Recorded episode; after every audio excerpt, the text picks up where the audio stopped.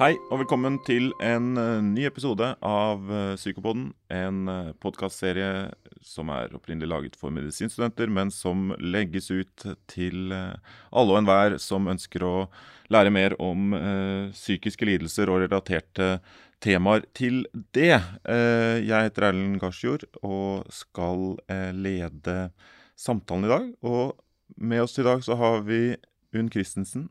Du er psykiater og enhetsleder ved dere har fått nytt navn, har jeg skjønt. OCD-spekterpoliklinikken eh, på Gaustad, eh, som er da en del av Oslo eh, universitetssykehus. Velkommen til deg.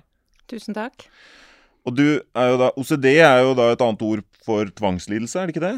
Jo, eh, stemmer. Ja, eh, Hvorfor et OCD? Det er Det står for Obsessive Compulsive Disorder. Yes, Så dere er nå litt internasjonale på poliklinikken hos dere. Eh, ikke bare hos oss, men eh, det er blitt et begrep som brukes nå i hele landet. Ikke sant. Fordi vi har såkalte OCD-team. Nettopp. Nettopp. Men så da kan vi jo Så da tvangslidelse og OCD, det er da det samme. Eh, hva er det for noe? Ja, da må man tenke eh, Her handler det om tvangstanker og tvangshandlinger. Så hvis vi tenker på det separat Altså tvangstanker er eh, urovekkende, påtrengende tanker som eh, kommer, og som man gjerne vil bli kvitt. Eller det kan være forestillingsbilder, eller eh, ja. Kanskje det kan være greit å få noen eksempler? Hva er liksom de vanligste tvangstankene som uh, man kan ha?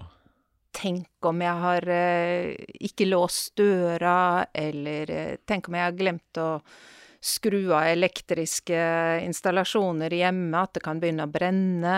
Eller vi har også noe som er nokså tabubelagt, og det handler jo om tenk om jeg har en annen legning enn det jeg har. Tenk om jeg er pedofil, for eksempel. Um, ikke helt uvanlige tanker. Det kan også være religiøse tvangstanker og tanker om å ha skadet noen. Ja. En rekke egentlig ganske vanlige tanker som alle kan kjenne seg igjen i men som skaper ekstra ubehag hos den det gjelder. Ikke sant. Ja, jeg tenker jo Når du sier at man kan kjenne seg i det, er vel de færreste som ikke har på en måte, hvor tanken har slått dem slo jeg av komfyren. Eh, og har, får en eller annen trang til å gå tilbake og sjekke det. Eh, så det er tvangstankene, og så er vi inne på sjekking. Eh, og da er vi kanskje mer over i tvangshandlingene. Eh, kan du ikke si litt om det også? Ja, og det er handlinger man gjør for å dempe dempe den angsten eller uroen som disse tankene vekker. Og du kan si tankene i seg selv er noe vi kjenner oss igjen i, som du er inne på, men det å handle på disse tankene, ta dem på alvor, gå tilbake, sjekke, eh, forsikre seg, unngå ting, da begynner vi å komme over, komme over i en lidelse. Ikke sant, og da er vi snakker om sant, grenseoppgangen mellom normalitet og på en måte sykdom her, er det lidelse, det er, går i forhold til hvor mye det eh, påvirker hverdagen din, kanskje? eller? Omfanget av det, ja. Og du kan si i den grad dette begynner å gå utover eh, jobb, sosialt, familieliv, man begynner å unngå vanlige aktiviteter eller bruker ekstremt lang tid på f.eks. å forlate hjemmet, eller sjekke, vaske seg. I disse dager så er jo det spesielt aktuelt. Så eh, Og dette tar timevis hver dag, så er det klart at da er vi over i en lidelse. Men eh, vi kan jo tenke at hverdagstvang er noe de aller fleste kjenner seg igjennom igjen i, og så kan dette utvikle seg da til å bli totalt invalidiserende. Ja, så da, det er en flytende overgang ja. mellom de to ytterpunktene. Det, men noen som sliter med dette, de bruker mange timer om dagen eh, knyttet til disse tvangstankene og handlingene som er assosiert med det. Ja. Noen kommer seg ikke ut av huset i det hele tatt, og det kan gå utover eh, familie, de rundt den også. Så dette er en av de lidelsene som, som viser seg også å ha ganske stor innvirkning på pårørende. Ikke sant. Ja. For de blir dratt med i denne tvangen i veldig mange tilfeller. Ja, og sikkert ganske fortvilende også å se på at man eh, blir stående ja. i disse ritualene.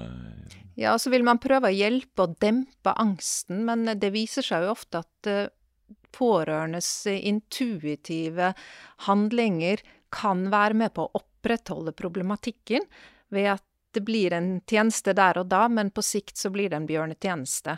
Og man opprettholder angsten ved å gi det den umiddelbare hjelpen og tryggingen som disse pasientene er ute etter. Ja, for hva er det de kan typisk spørre pårørende om hjelp til, og hvordan eh?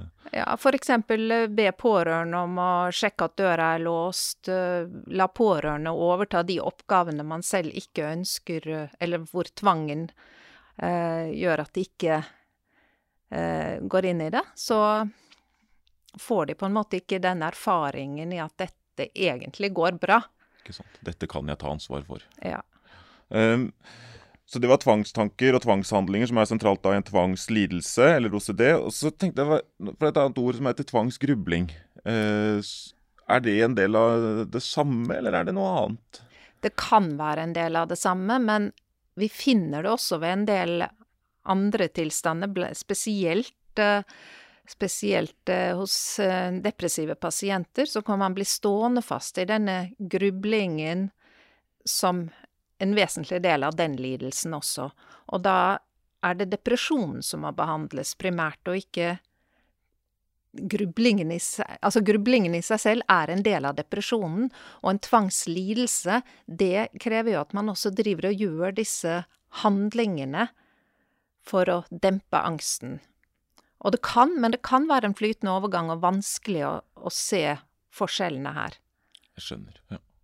Mm. Uh, hva det hva, kan typisk være som depressive pasient, eller pasienter med depresjon? Da, hva er det de kan typisk gruble over mer sånn tvangsmessig? Ja, har jeg gjort noe feil? Er jeg bra nok? Klarer jeg dette? Ikke sant. Det handler jo ofte om, eh, om liten tro på seg selv. Nettopp. Men hvis vi da snakker om tvangslidelse, OCD, eh, hvor vanlig er det? Man antar at det rammer mellom 1 og 3% av befolkningen.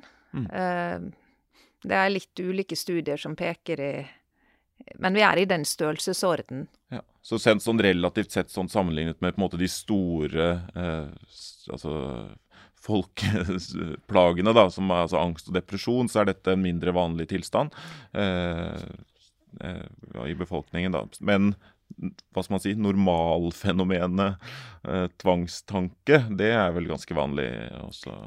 tvangstank Det har vært gjort eh, undersøkelser rundt dette, hvor, hvor stor andel som opplever disse tankene som vi karakteriserer som vanlige tvangstanker.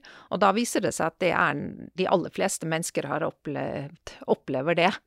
Eh, og, men forskjellen på dette er ikke tankene i seg selv, men hvordan man forholder seg til disse tankene.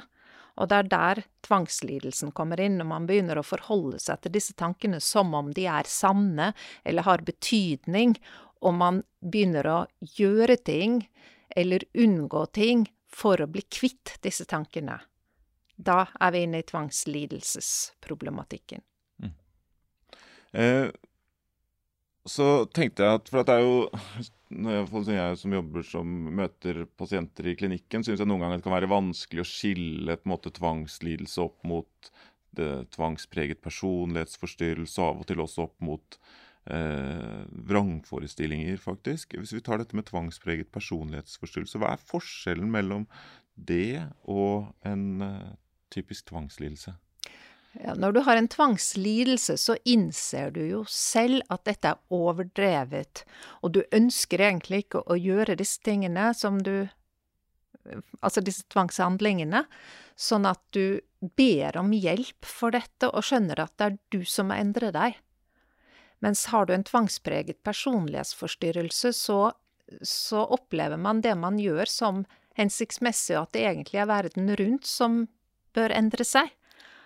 Eh, sånn at dette Det du da gjør, er på en måte i tråd med egen motivasjon, egne ønsker, hos en med en personlighetsforstyrrelse, mens hos en med en lidelse kan vi si lider under dette selv. Ikke sant. Så de med tvangspreget personlighetsforstyrrelse blir ofte kanskje sendt til oss av pårørende, som mener vi må fikse de, mens eh, de med en tvangslidelse, de oppsøker i mye større grad hjelp selv og hva er typiske forskjeller mellom uh, tvangslidelse og en vrangforestilling, da? Altså en tvangstanke, når blir en Hvordan skal man klare å skille det? Du kan si en pasient så Når man står midt oppi en situasjon, så kan det virke veldig likt. Uh, at man blir veldig redd for at det negative, det man frykter skal skje, vil kunne skje dersom man ikke utfører de handlingene man uh, gjør, jeg, eller ønsker å gjøre. Mens uh, når du har en, uh, i en tvangslidelse, så vil man før og etter kunne se det overdrevne i dette, og, og skjønne at dette egentlig bare er tull. Så man tror egentlig ikke at det har en sammenheng. Man bare klarer ikke å la være i situasjonen. Mens hvis du har en, en vrangforestillingslidelse, så tror du på dette. Uh, og tenker at dette, dette, kan jo faktisk skje. Og da tør man heller ikke å gå inn i de situasjonene når man planlegger det på forhånd. Ikke sant. Og det vil jo selvfølgelig ha store konsekvenser også for planlegging av, og samarbeid rundt planlegging av behandling. Ja. Eh, som jeg tenkte er det vi skulle bruke siste delen av tiden på. Eh, og jeg vet ikke om du kan begynne med å si litt sånn mer generelt om prinsippene ved behandling av tvangslidelse? Altså, Første valg behandling er eksponering med responsprevensjon, som vi kaller det. Og Det betyr at du utsetter deg for disse fryktede situasjonene eller tankene som, eh, som du ellers har prøvd å unngå. Eh, og så lar du være å gjøre ritualer når du går inn i disse angstfylte, urovekkende situasjonene. Så det er den responsprevensjonen eh, til slutt ja, der, da. Ja. ja. Så det er hovedprinsippene ved behandlingen. Eh, og du kan si eh, Det er det som er dokumentert effektiv behandling. Og det har vi visst i mange, mange år. Sånn at dette er ikke noe nytt prinsipp. Det er et godt kjent prinsipp. Ja.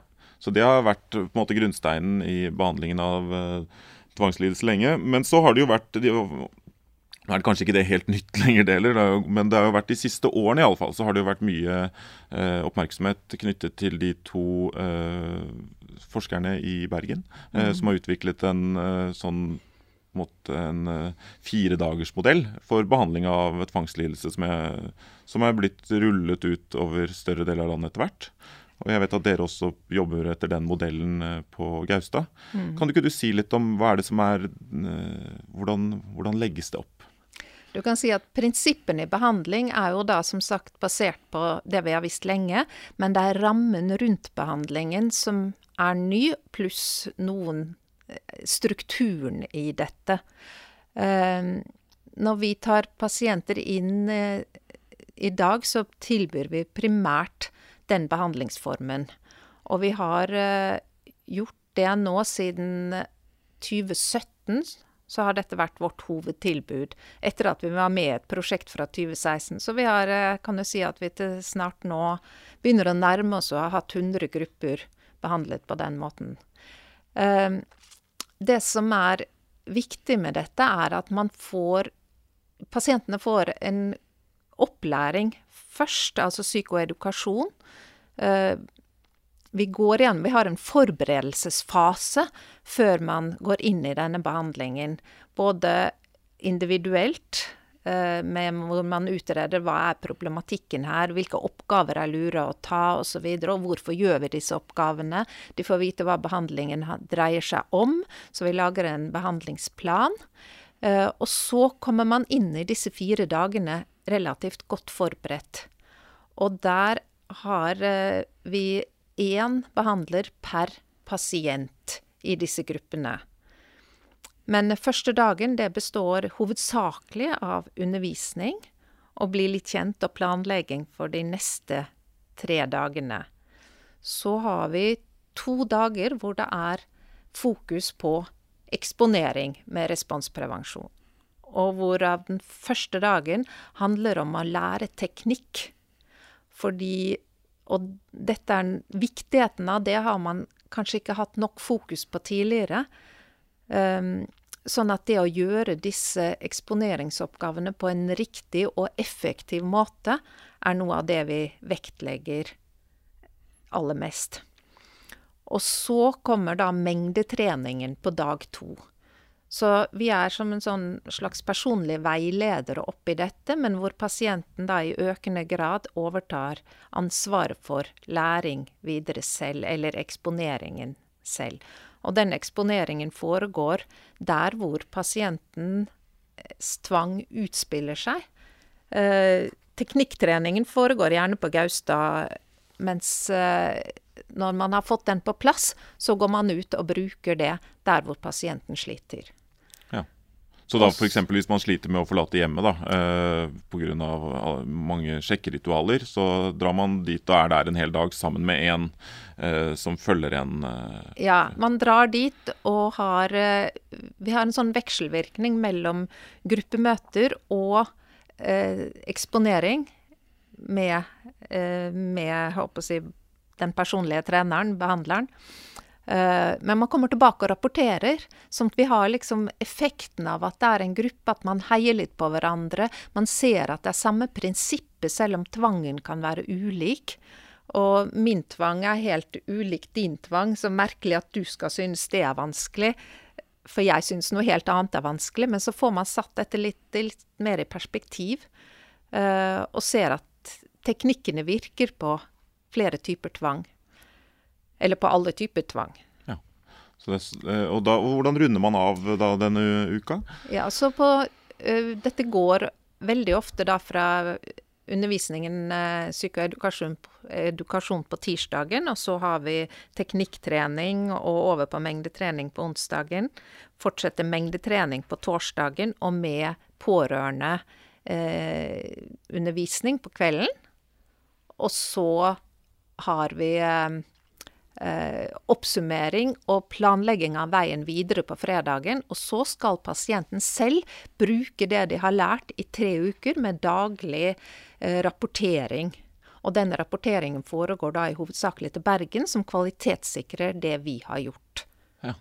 Og så har vi målinger før og etter og under, håper jeg å si. Ja, og hvordan går det Altså, hva er resultatene av dette? Resultatene er veldig bra, og de er nokså like overalt i, for de som driver denne type behandling. Og på langtidsoppfølging så, så ligger det an til at bortimot 70% blir kvitt lidelsen. Mm. Nå har vi sett at det kan hende at det har vært noen flere tilbakefall i forbindelse med koronaen, men uh, under normale omstendigheter så har dette vært uh, de resultatene vi har hatt over flere år. Ja, for når du snakker da langtidsoppfølging, hvor lang tid etter eh, behandlingen er det? Eller altså etter den Vi uken? Vi følger opp våre pasienter ett år etter, eh, etter den intensivbehandlingen. Eh, og det for, gjøres for så vidt fra Bergen også gjennom andre skjema. Eh, og så har vi gjort noen utvalgte undersøkelser med fireårsoppfølging. Ja, ja. Som bekrefter eh, de resultatene.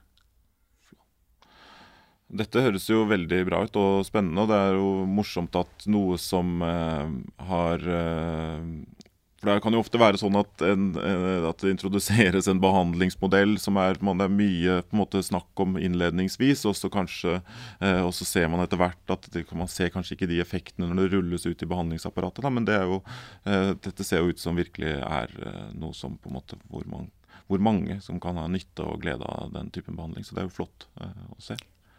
Jeg tror noe av grunnen til det er at vi er ganske Altså det er en veldig klare rammer rundt hva vi sier og hvordan vi forholder oss til pasientene i denne behandlingen. Og at det Vi kaller det sånn ja, skreddersydd behandling, men innenfor veldig klare, faste rammer og at, at, det hele tiden er underlagt kvalitetssikring, også da ekstern kvalitetssikring. At det ikke er vi som kontrollerer oss selv, men at den kontrollen foregår fra Bergen. De er veldig opptatt av at vi bevarer uh, Altså at dette er kvalitet, det vi gjør. Hvordan, siste spørsmål. Hvordan er kapasiteten på dette tilbudet nå? Et godt spørsmål. Det er dessverre veldig stor etterspørsel, som har resultert i lange ventelister. Så vi har per i dag mellom ni og tolv måneders ventetid på behandling, som eh, dessverre er langt utenfor det det skal og bør være. Ja. Eh, det er noe vi jobber med, men fremdeles ikke har funnet løsninger på. Det er sånn det er. Og så får vi håpe og tro at det er at mange skal også i fremtiden få nytte av dette behandlingstilbudet. Så takk for at du kom, Unn. Det var veldig nyttig og lærerikt, iallfall for meg, og forhåpentligvis for dere andre som har hørt på. Og så høres vi igjen. Takk skal du ha.